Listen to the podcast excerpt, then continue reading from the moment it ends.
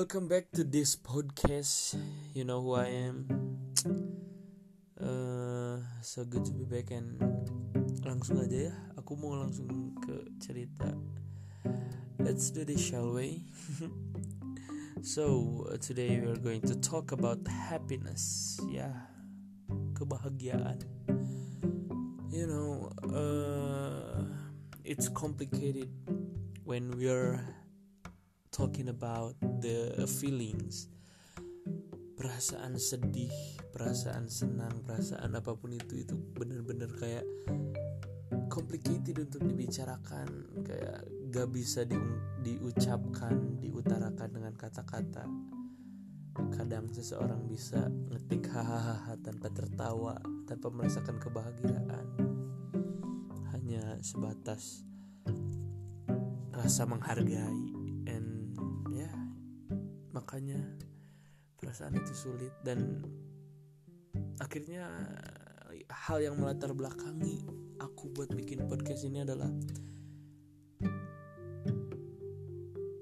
aku lihat satu video di sebuah akun Instagram di mana seorang cowok sedang bermanja kepada pacarnya virtually dan dia kayak menurutku ketika itu sudah menjadi kebahagiaan cowok itu ya udah gitu.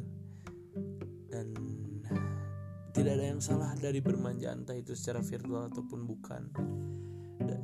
Bagian kan itu ceweknya juga. Dan di apa namanya itu pernah muncul di beberapa akun. Kalau sebelumnya uh, captionnya agak eh, masih positif. Kayak bucin uh, ketika kamu ketika apalah gitu intinya positif konotasinya. Dan ada yang konot uh, captionnya agak kurang mengenakan menurutku karena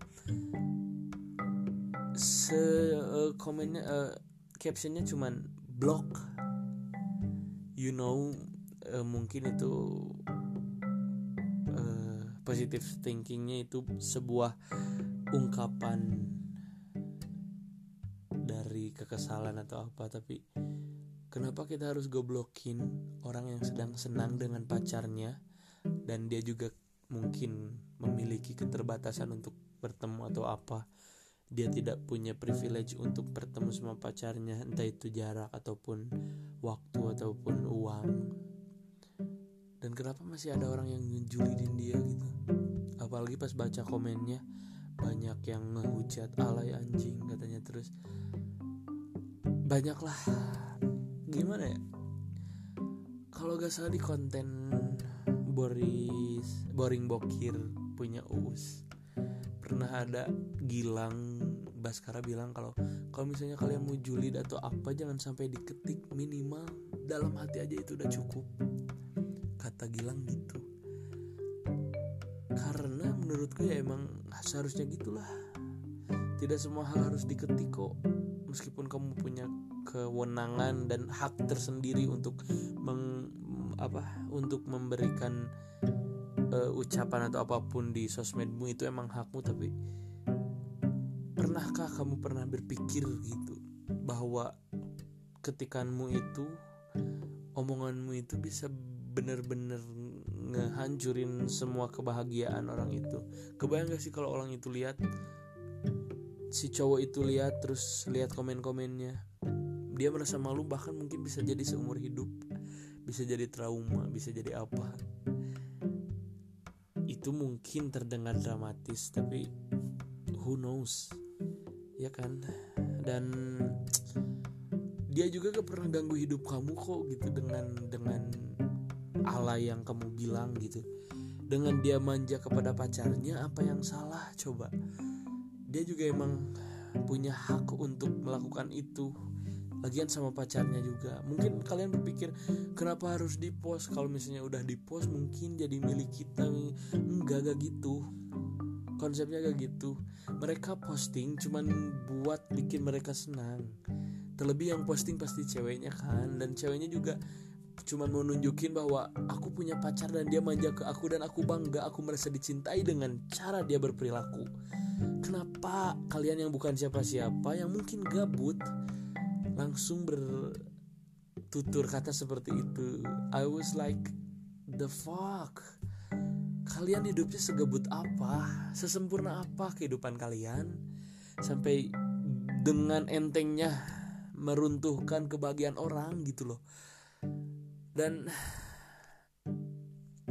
kayak orang-orang yang apa ya itu tuh bakal jadi domino effects kan tau kan? Kayak kalau misalnya kalian gitu ke orang orang yang kena uh, hujatan kalian juga gak ketika dia mentalnya gak kuat atau bahkan dia belum tahu tentang bagaimana cara menghadapinya mungkin dia mikir kayak oh berarti emang aku juga harus mikir kayak gitu ya? Oh berarti aku juga harus hujat orang-orang yang alay ya? Oh berarti gini gini gini. Enggak gimana mau berhenti kalau misalnya kalian tetap melakukan hujatan-hujatan tersebut